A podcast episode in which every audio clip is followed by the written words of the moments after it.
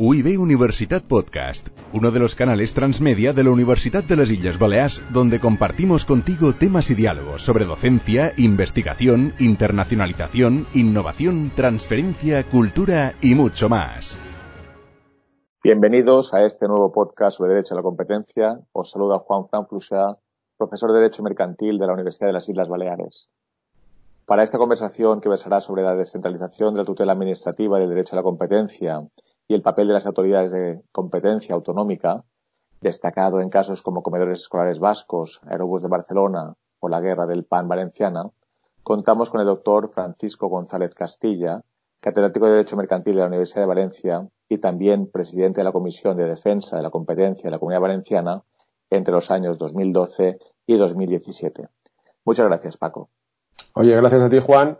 Gracias por invitarme. Eh, yo creo que además te has embarcado en un esfuerzo que es dirigir un podcast sobre derecho a la competencia precisamente cuanto, cuanto más falta hacía, ¿no? Estas iniciativas. Eh, y aparte, le he echado una oreja a los episodios que has grabado y bueno, parece que va a ser un podcast de referencia, no, no ya para estudiantes eh, del derecho, ¿no? Sino para cualquier profesional que tenga que acercarse al derecho antitrust, porque he visto que has invitado a Pilar Canedo, a Fernando de la Vega, a Isabel Fernández Torres, que son todos muy, muy solventes, ¿no? En el derecho a la competencia en España.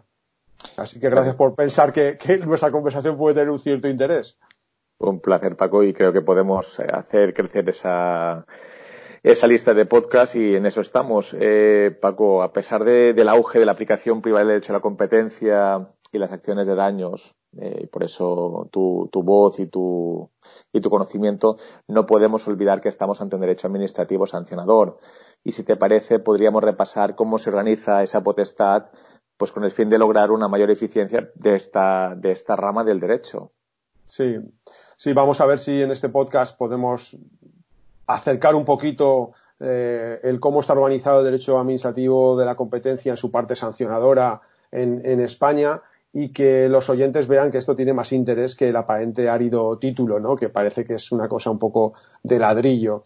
Eh, mira, es verdad que, que, la aplicación privada centra un poco el debate en los últimos años, sobre todo con la directiva 104-2014, ¿no? Pero aún antes, ¿no? en los últimos años se han centrado mucho en discutir esas acciones de daños en virtud de infracciones del derecho antitrust pero tampoco podemos olvidar que el derecho a competencia es un derecho administrativo sancionador eh, en España y en nuestro entorno, ¿no? Eh, es decir, es un derecho de enforcement público y, por tanto, em, aunque el derecho privado, la aplicación privada del derecho a competencia es muy importante, eh, bueno, también es interesante saber cómo funciona ese enforcement público en, España y en Europa, ¿no?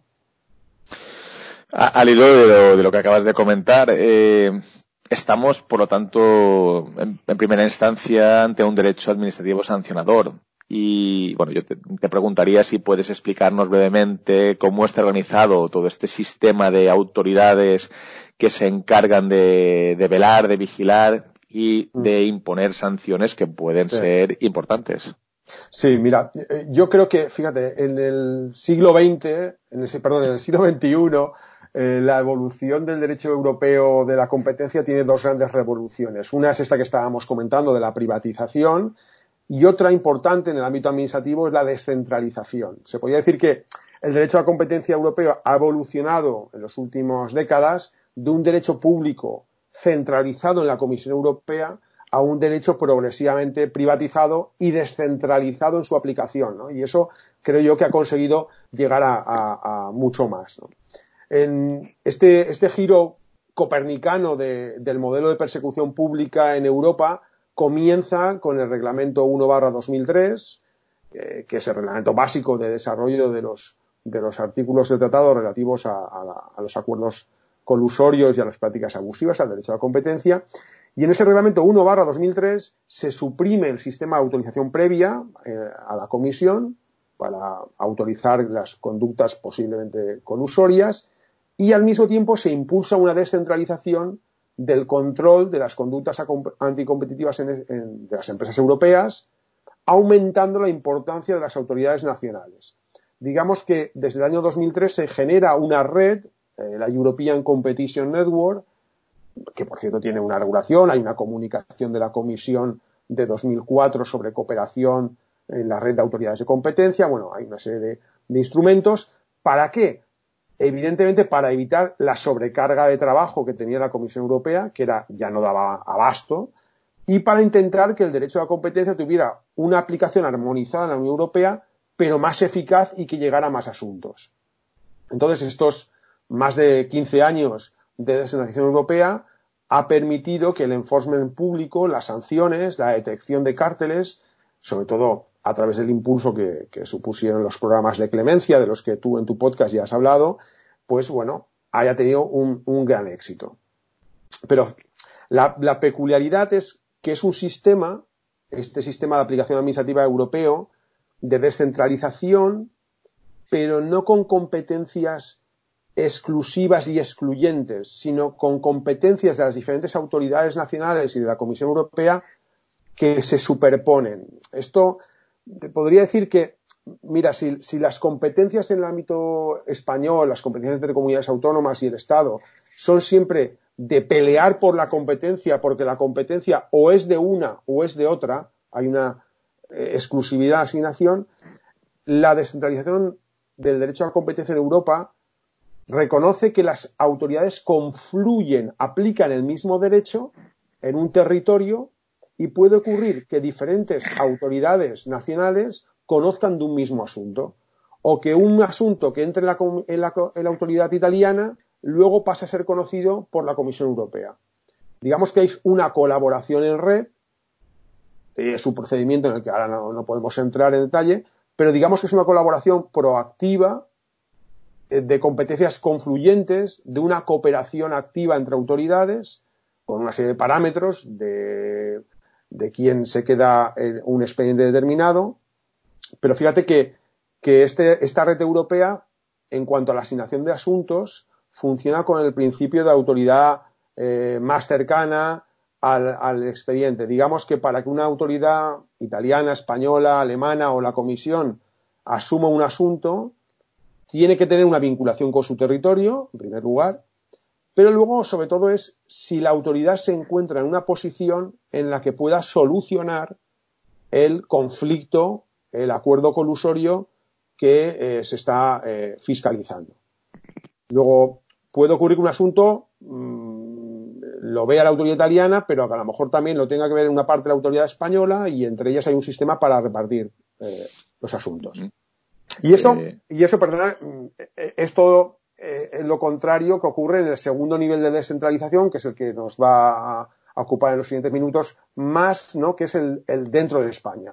En países como España o Alemania, donde existen sistemas eh, federales o cuasi federales, hay un reparto también de quién fiscaliza, quién sanciona, quién multa los acuerdos colusorios dentro del territorio, entre autoridades que dependen de las regiones o de las comunidades autónomas y la autoridad central pero ahí sí que es un sistema excluyente, es decir, o lo ve la autoridad catalana o lo ve la Comisión Nacional de los Mercados y la Competencia. Y eso genera ciertos roces, eh, bueno, pues que podemos entrar. Eh, sí, sí, perfecto. eso queríamos comentar, es decir, esos distintos niveles administrativos de actuación en pro de la eficacia que a veces no se produce, esa beligerancia por, por la competencia, ¿no? Y, luego que esté bien o, mal desarrollada o ejecutada y, y sí, perfecto, me llevas a, a ese terreno, a esa arena, ¿no? Es decir, esa duplicidad de autoridades eh, no puede terminar convirtiendo el sistema en algo ineficaz, ineficiente y además costoso porque, porque obviamente pagamos o se sufraga todo el entramado estatal y luego también está el autonómico. ¿Cómo, cómo, cómo ves eso? O cómo con ejemplos podríamos visualizar dónde, dónde está el, el pues la mejor eficacia del, del sistema. ¿Cómo lo ves esa duplicidad? Sí, mira, eh, vamos a ver. Eh, eh brevemente, el, sistema eh, nace de un conflicto, y eso ya no es un buen punto de partida, pero nace de un conflicto que plantearon las autoridades vasca y, catalana, las comunidades autónomas vasca y catalana, respecto de la ley de defensa de la competencia, la de 1989, la inmediatamente anterior a la, vigente. Entonces, eh, la situación en España era que en la Constitución no se atribuye la competencia exclusiva sobre el derecho de la competencia en, ningún artículo, no, se menciona el derecho de la competencia en, los artículos 149, etcétera, 148 y tal. Y entonces eh, las autoridades catalanas y vascas entendían que se estaba violando las competencias de las comunidades autónomas cuando la ley de defensa de la competencia otorgaba únicamente al Estado la, la competencia sobre la legislación y la sanción. ¿Por qué? Pues mira, porque la situación entonces, en años, de los años 90, era que todos los estatutos de autonomía, bueno, todos, la gran mayoría, entre ellos también el Balear, habían reconocido la competencia de las comunidades autónomas en materia de mercado interior. Sí que es verdad que todos los estatutos de autonomía se decía mercado interior, salvo el respeto a la normativa de competencias, a tal y tal.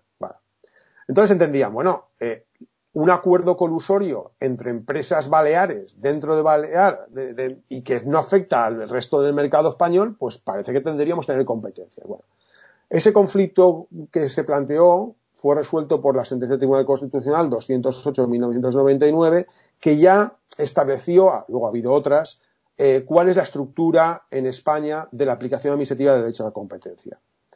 Uno, la competencia legislativa es solamente del Estado. Luego existe una única ley aplicable. Esto es importante porque no hay una duplicidad legislativa, sino que hay una única ley, que es la Ley de Defensa de la Competencia, eh, que es competencia exclusiva del Estado. La competencia también es exclusiva del Estado respecto de la aplicación, la ejecución de esa ley en aquellos casos que tengan carácter supraautonómico. Y en tercer lugar, lo que dijo el Tribunal Constitucional es que habría que establecer unos mecanismos de coordinación entre la aplicación del derecho a competencia por parte de las comunidades autónomas y la aplicación por el Estado eh, central, pero que en todo caso aquella ejecución de la ley de defensa de la competencia que afectara únicamente al ámbito de una comunidad autónoma, pues habría que reconocer que esas competencias ejecutivas, de acuerdo con los respectivos estatutos, había que reconocérselas a las comunidades. Pues bien, de, ese, de esa sentencia surgen durante los años 2000 a partir de 2002, las autoridades autonómicas españolas. Y una ley, la ley 1 barra 2002, de 12 de febrero, que es un poco la que articula los mecanismos de coordinación. Pero fíjate que aquí no hay duplicación de competencias, porque la competencia cuando hay un asunto o es de una comunidad autónoma, o es de la autoridad de competencia de una comunidad autónoma, o es de la Comisión Nacional de los Mercados y la Competencia. No hay una, no hay una duplicidad, no se hace doble trabajo. Por otra parte, se han establecido mecanismos de coordinación para asignar, eh, homogenizar, armonizar el sistema de aplicación.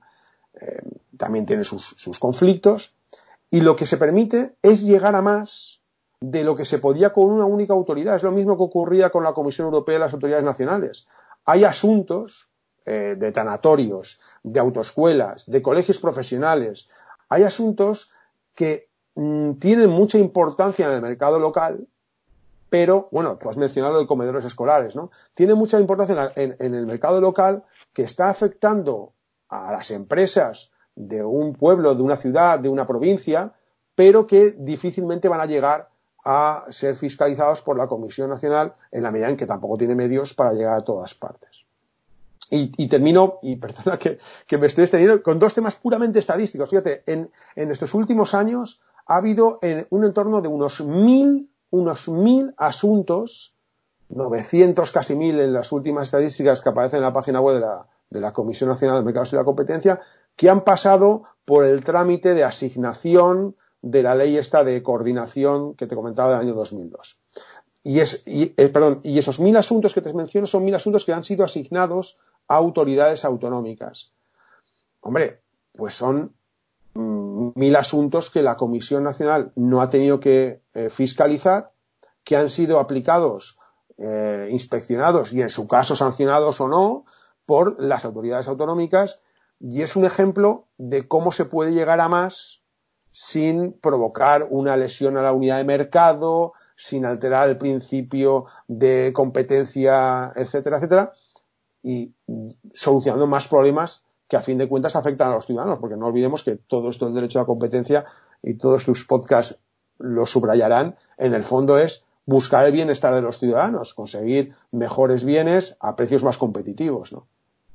Creo que es un mantra que eso que, tiene que penetrar y, en ello y en ello estamos, ¿no? Eh, Paco, eh, ¿y cuál es serían realmente las funciones de, una autoridad de, competencia, además de la sancionadora. Y, te, cojo el guante en, esta última cuestión que hemos hablado de consumidores. Y luego, eh, todas esas autoridades eh, autonómicas tienen, las, tienen un mismo patrón de funciones y de potestades. Sí, mira, hablando de lo que estábamos comentando, ¿no? Eh, en el fondo, cualquier autoridad de competencia, europea, estatal o, autonómica, tiene un objetivo primordial que es preservar el funcionamiento competitivo de los mercados para que los ciudadanos puedan acceder a productos y servicios de mejor calidad a, a mejor precio, ¿no? Y por tanto, la única diferencia, digamos, esencial entre autoridades, al menos conceptualmente, está en el ámbito de actuación. ¿eh? En el caso de las autoridades autonómicas, eh, tienen, como la autoridad nacional, tres grandes áreas de actividad. El ejercicio de actuación sancionadora, de conductas colusorias o de abuso por sin dominio. Mm, en el ámbito de un podcast no se puede profundizar más, pero la sentencia del Tribunal Constitucional no se refirió a temas de ayudas públicas o control de concentraciones, digamos que actuación sancionadora de acuerdos colusorios o abuso por sin dominio. Una segunda función es el impulso y la promoción del valor de la libre competencia, la advocacy, que ahí es muy importante el papel de las autoridades autonómicas, la participación, la organización de congresos, de seminarios, eh, reuniones con colegios profesionales, reuniones con consumidores y usuarios de la comunidad autónoma, es decir, hacer que la cultura de competencia sea eh, extendida por nuestra sociedad, que recordemos que la sociedad española es una sociedad esencialmente anticompetitiva por razones históricas, donde la competencia se ve con, malos ojos, ¿no? Eh, siempre se suele decir aquello, ¿no? Que, si aquí dos personas, en, si en Estados Unidos dos panaderos se ponen de acuerdo con el precio del pan, eh, van a la cárcel, ¿no? Y si aquí un panadero se le ocurre bajar el precio, lo que hacen los otros es denunciarle porque consideran que lo que está haciendo es desleal, ¿no? Bueno, vamos a ver si es desleal o simplemente está compitiendo en el mercado, ¿no? Y la tercera función, que también es muy importante, fíjate Juan, es la mejora de la normativa autonómica. Es decir, contribuir a la mejora de la regulación de los mercados. Esto lo hace la Comisión Nacional con sus informes y lo hacen también las autoridades autonómicas. Y hay aspectos en los últimos años, horarios comerciales, eh, mira, el régimen de los alojamientos turísticos, tan importante en Baleares, ¿no? El régimen de las gasolineras desatendidas, el sector de la economía colaborativa, el sector del taxi, donde la normativa autonómica es esencial, el turismo.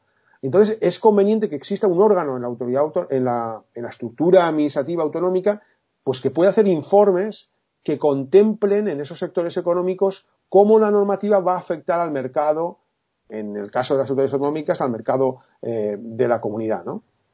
Entonces, esas tres funciones, sancionadora es evidentemente muy importante, pero promoción de la competencia, mejora de la normativa autonómica, son también aspectos interesantísimos, ¿no? Fíjate, antes de, que orientes la conversación, yo te diría que si tengo que hacer una crítica a las autoridades autonómicas españolas es evidentemente su falta de recursos económicos, ¿eh? que eso hace que la actuación sancionadora sea relativamente limitada. Es decir, no contamos, no hemos contado habitualmente, salvo excepciones como la autoridad catalana, la autoridad del País Vasco, la autoridad gallega también, no hemos contado con servicios de inspección potentes que puedan descubrir e investigar los cárteles con, decisión. ¿no? Pero bueno, yo creo que en este tiempo se ha hecho mucho más de lo que se pensaba eh, en 2002 con la ley de coordinación y no te digo ya en el año 99 cuando el Tribunal Constitucional reconocido estas competencias. Quiero volver en estas dos siguientes preguntas a, temas que has, que has eh, comentado y que podríamos a lo mejor sintetizar o estructurar. ¿no? Eh, bueno, la primera sería eh, que me concretes un poco dentro de ese funcionamiento práctico de y entre las autoridades en España cómo se asignan los, los expedientes.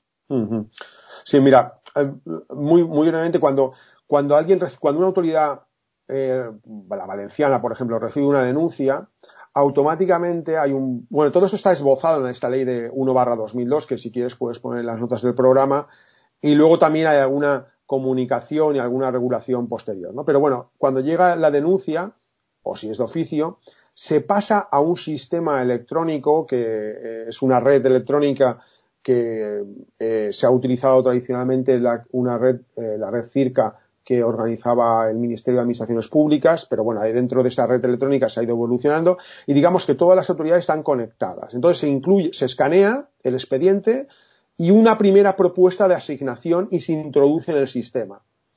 Eh, la Comisión Nacional, por su parte, introduce en el sistema solamente aquellos casos en los que en los que es claro que puede haber eh, una, autoridad, una comunidad autónoma especialmente involucrada, ¿no?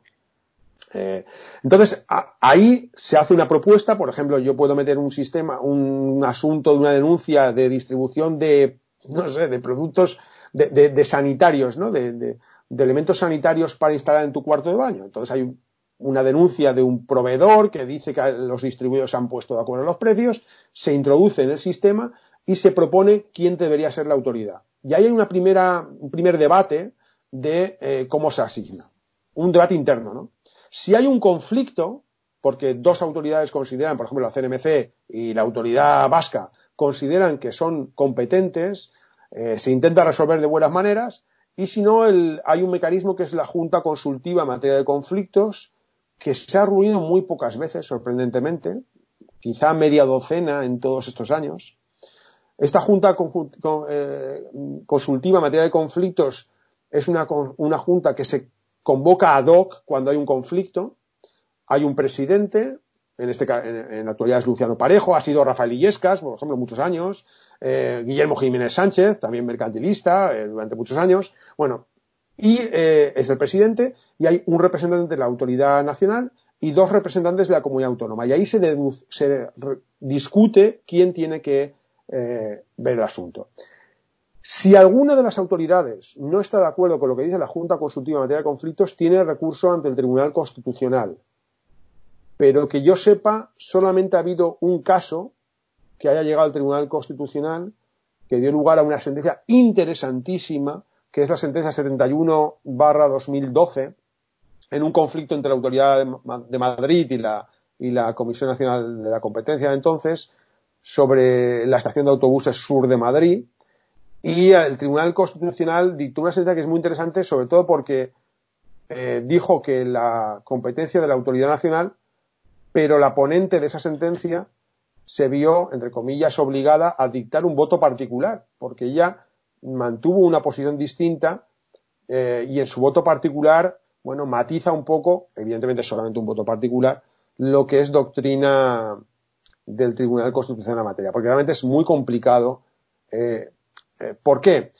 Pues porque el punto de conexión, lo que determina de quién es la competencia, es un criterio exclusivamente geográfico. Es decir, si el efecto del acuerdo colusorio del abuso de posición de dominio es supraautonómico, por resumirlo mucho, entonces la competencia siempre es nacional. Claro, ¿y si resulta que el efecto es un 0,1 supraautonómico? Y el 99,9 es un efecto de la comunidad autónoma. Ya por ese 0,1 pasa a ser competencia de la comunidad, de la Comisión Nacional. Bueno, la sentencia del Tribunal Constitucional viene a mantener esto, pero eh, a mí me parece criticable, ¿no? Y a partir de ahí, nada, eh, simplemente hay algunos mecanismos de coordinación, la autoridad que asume el expediente lo resuelve, sí que es verdad que luego la Comisión Nacional, por ejemplo, si hay una autoridad, eh, si hay una, un aspecto que incide mucho en una comunidad autónoma, pues comunica, incluso hay un informe preceptivo no vinculante que pide la comunidad autónoma, por ejemplo, a mí me sucedió en el tema de Puerto Valencia, ¿no? Un asunto de Puerto Valencia que se consideró, y ahí yo creo que correctamente, que era un, caso nacional, pero como afectaba al puerto de Valencia, pues nos pidieron un informe sobre algunos aspectos, ¿no? Y la autoridad interviene. Y ese es un poco el, sistema de, asignación, ¿no? El, el, punto de conexión que determina quién lo conoce es puramente geográfico y ahí quizá hubiera sido conveniente que se valorara el mercado relevante y qué efectos realmente tiene la conducta supraautonómico para ver si por su importancia tiene que conocerlo la autoridad autonómica o la autoridad nacional. Pero bueno, ya te digo que, así es como funcionamos.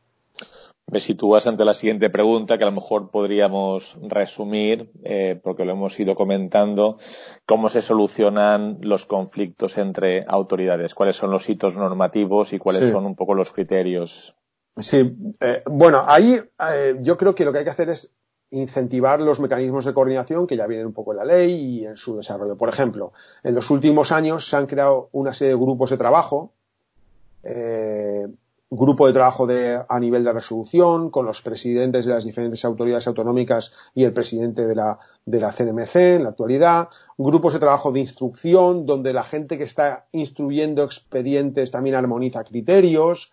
Este, estos grupos de trabajo son muy importantes precisamente para armonizar la aplicación, porque la aplicación, recordemos que es de la ley de defensa de la competencia eh, española, ¿no? Entonces está bien que haya coordinación, ¿no?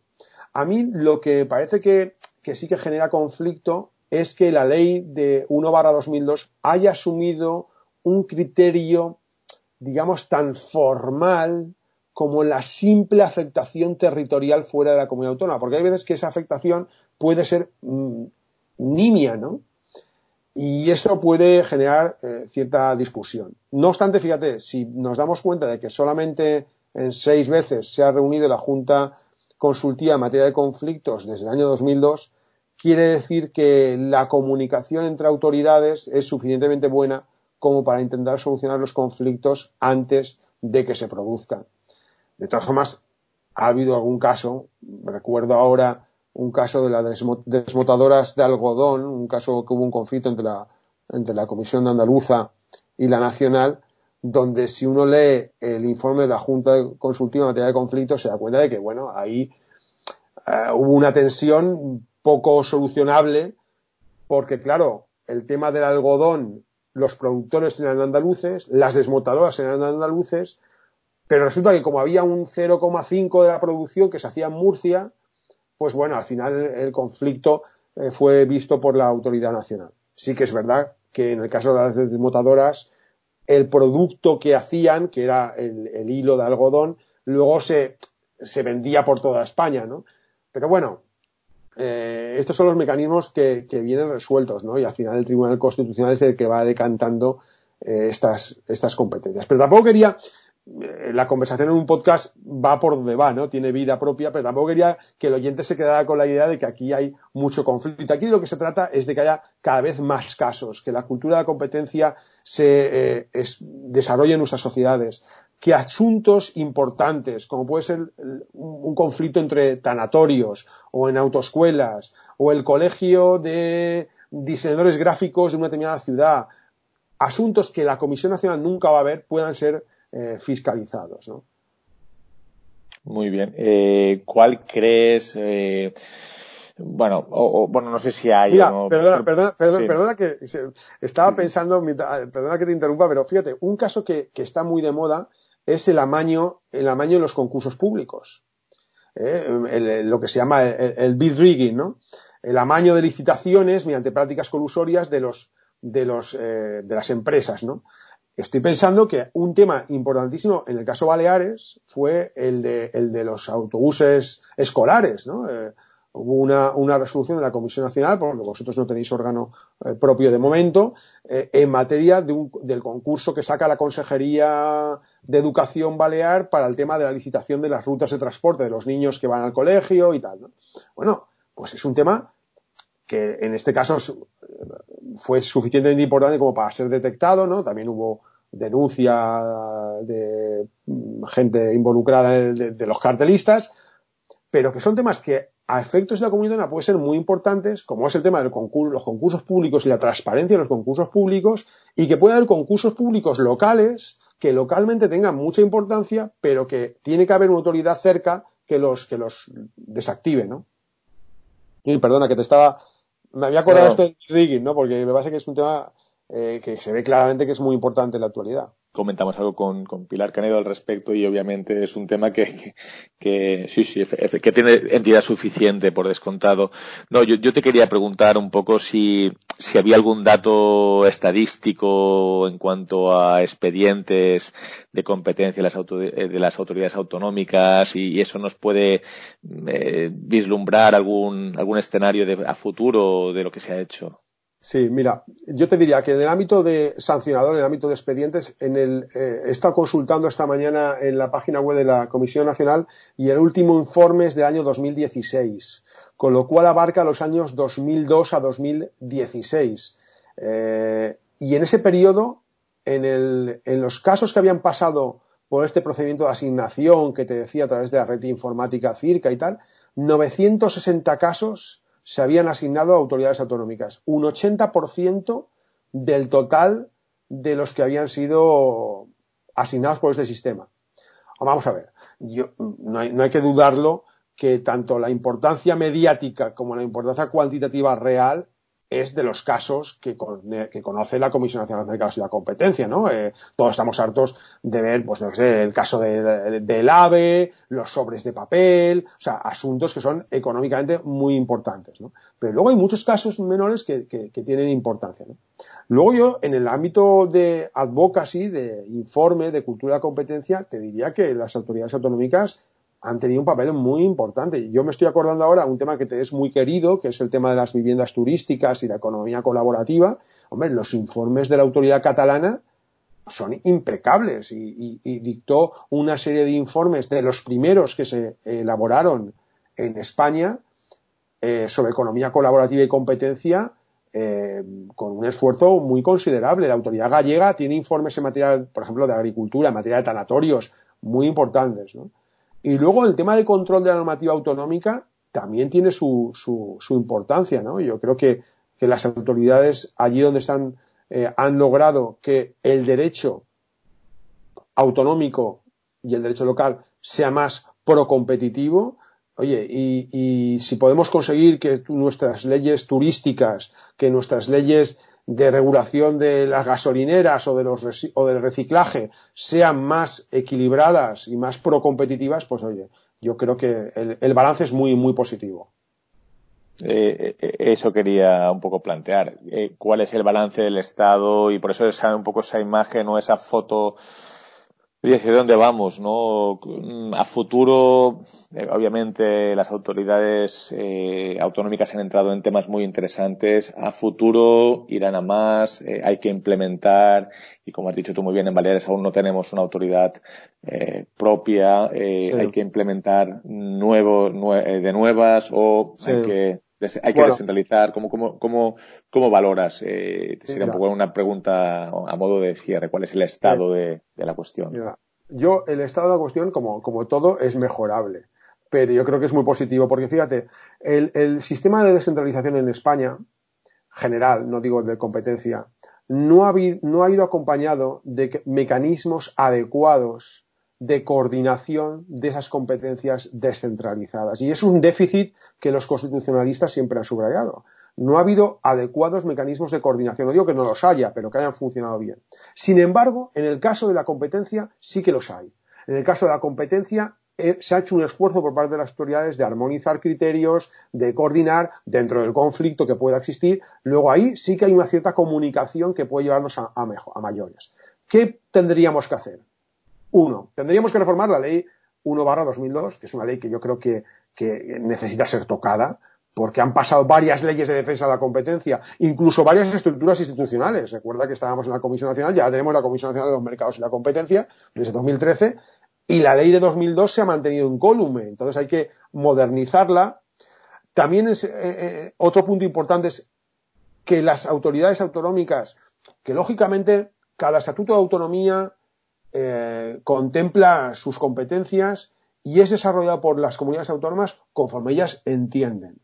Pero lo que resulta sorprendente es que haya autoridades de competencia que tienen órgano de resolución, como puede ser Andalucía, o Valencia, o Cataluña, o Galicia, o País Vasco, o Extremadura, pero con diferentes estructuras. Hay algunos que es órgano único, tipo la Comisión Nacional de Mercados y la Competencia, para entendernos, como puede ser la vasca, ¿no? Y luego hay otros que tienen una estructura donde solo tienen órgano de resolución independiente y la instrucción está dentro de las consejerías de economía. Luego hay autoridades que no tienen órgano de resolución, sino que solamente instruyen, ¿eh? como ocurre con Murcia, por ejemplo, o con Madrid. Es decir, eh, tienen funcionarios que instruyen expedientes, pero luego los envían a la Comisión Nacional. Y luego hay otros, otras, otras comunidades autónomas, como en el caso Baleares, o en el caso de Cantabria, o en el caso de Asturias, que aun teniendo competencias en mercado interior, no tiene ni órgano de distribución ni órgano de resolución. Entonces, digamos que esa estructura habría que, clarificarla, ¿no? Y el último punto es que tiene que haber recursos. Es decir, mira, eh, off the record estábamos hablando del tema Balear, ¿no? Yo creo que Baleares tendría que dar un paso a, organizar lo que tiene reconocido en su Estatuto de Autonomía en el artículo 30, ¿no? De tener su, autoridad eh, de competencia. Pero eso quiere decir que quiere hacer una política activa en materia de defensa de la competencia, que tiene que dotar de medios económicos, de medios de inspección, para que la autoridad, de forma independiente, realice su actividad. ¿no? Y eso no ya en Baleares, en cualquier organización estatal española, pues hombre, no, no apetece, ¿no? Porque las autoridades de competencia son pepitos grillo, ¿eh? tocan un poco las narices, eh, les parece mal determinada regulación, pueden entrar a ver pues a un aspecto de la contratación que no sea plenamente transparente, donde haya pliegos de concursos públicos, vamos a ver, que, casi tienen nombres y apellidos. Eh, bueno, entonces muchas veces nos encontramos con que las estructuras gubernamentales, mm, bueno, no les apetece fomentar que haya autoridades administrativas de competencia plenamente independientes y con recursos, ¿no? Y ahí sería mi última reflexión, ¿no? Que todo el dinero público que pongamos en el desarrollo de estas autoridades va a volver no ya por las multas, que ojo, es un tema económico importante, no solamente por la multa, recordemos que la agencia tributaria ingresa una serie de fondos por las sanciones que las autoridades de competencia interponen, ¿no? sino por el mismo hecho de que se extienda la cultura entre nuestras empresas, que no busquen acercarse al poder político, sino competir lícitamente y transparente, de forma transparente entre ellas, y eso nos va a beneficiar a todos, ¿no? Luego es un dinero muy bien invertido. Eh, estoy de acuerdo, Paco. Creo que esa idea de la supervisión a las determinadas actuaciones, incluso políticas, pues podría, podría mejorar el sistema. Eh, yo mm, hubiese terminado con esa reflexión que has hecho, ha sido bastante potente y bastante, bastante clara. Pero la, solemos cerrar este podcast con una breve pregunta y de rápida respuesta y tengo que formulártela y es que me digas o que nos recomiendes alguna lectura, caso, noticia que pueda servir para profundizar en esta materia. Sí, mira, eh, yo creo que resumiendo en una línea, le diría a los oyentes, si no lo han hecho hasta ahora, son estudiantes probablemente, que visiten las webs de las autoridades de competencia. La web de la CNMC, cnmc.es, lógicamente, pero también la web de la autoridad catalana, la web de la autoridad gallega, eh, en las notas del episodio podemos colgar los links correspondientes, ¿sabes? Porque son webs donde no solo se transcriben resoluciones sancionadoras, sino que hay muchísima información, muchísima información dirigida al público en general, notas de prensa, datos estadísticos, explicación muy didáctica de por qué el derecho de la competencia favorece el bienestar de los ciudadanos. Y yo creo que son webs donde uno puede navegar y encontrarse con aspectos muy interesantes de su formación como jurista Oye, yo te diría que su formación como ciudadano en general, ¿no? Así que mi, recomendación no va a ser un artículo sesudo, oye, que también, sino que le echen un vistazo a las propias webs de las autoridades y que buceen en, en la información que en ellas aparece, ¿no? Muy bien, pues Paco, muchísimas gracias por, por este rato desde la, desde la experiencia, desde el estudio del derecho a la competencia y desde la pasión por el derecho a la competencia, que creo que queda más que transmitido y agradecerte muchísimo tu, tu tiempo. Muchas gracias. Nada, nada, a ti Juan por tu, por tu invitación, Joroba por el proyecto, me parece un proyecto muy interesante. Me parece que tenemos que rodear a los estudiantes y a los interesados por el derecho, rodearles en su vida con el derecho, incluido el derecho de la competencia, es decir, que los podcasts, los videopodcasts, YouTube, son mecanismos alternativos, además que acompañan a los manuales y que, seguro que va a tener muchísimo éxito tu, canal, ¿no? Gracias por haber contado por mí, conmigo y, y mucho éxito en el futuro. Esa era la intención y a lo mejor volvemos a encontrarnos con otro tema o con otra cuestión que seguro que será también apasionante e interesante. Pues aquí lo dejamos. Eh, muchísimas gracias por vuestra atención. Hasta un nuevo podcast. UIB Universitat Podcast, uno de los canales transmedia de la Universidad de las Islas Baleares, donde compartimos contigo temas y diálogos sobre docencia, investigación, internacionalización, innovación, transferencia, cultura y mucho más.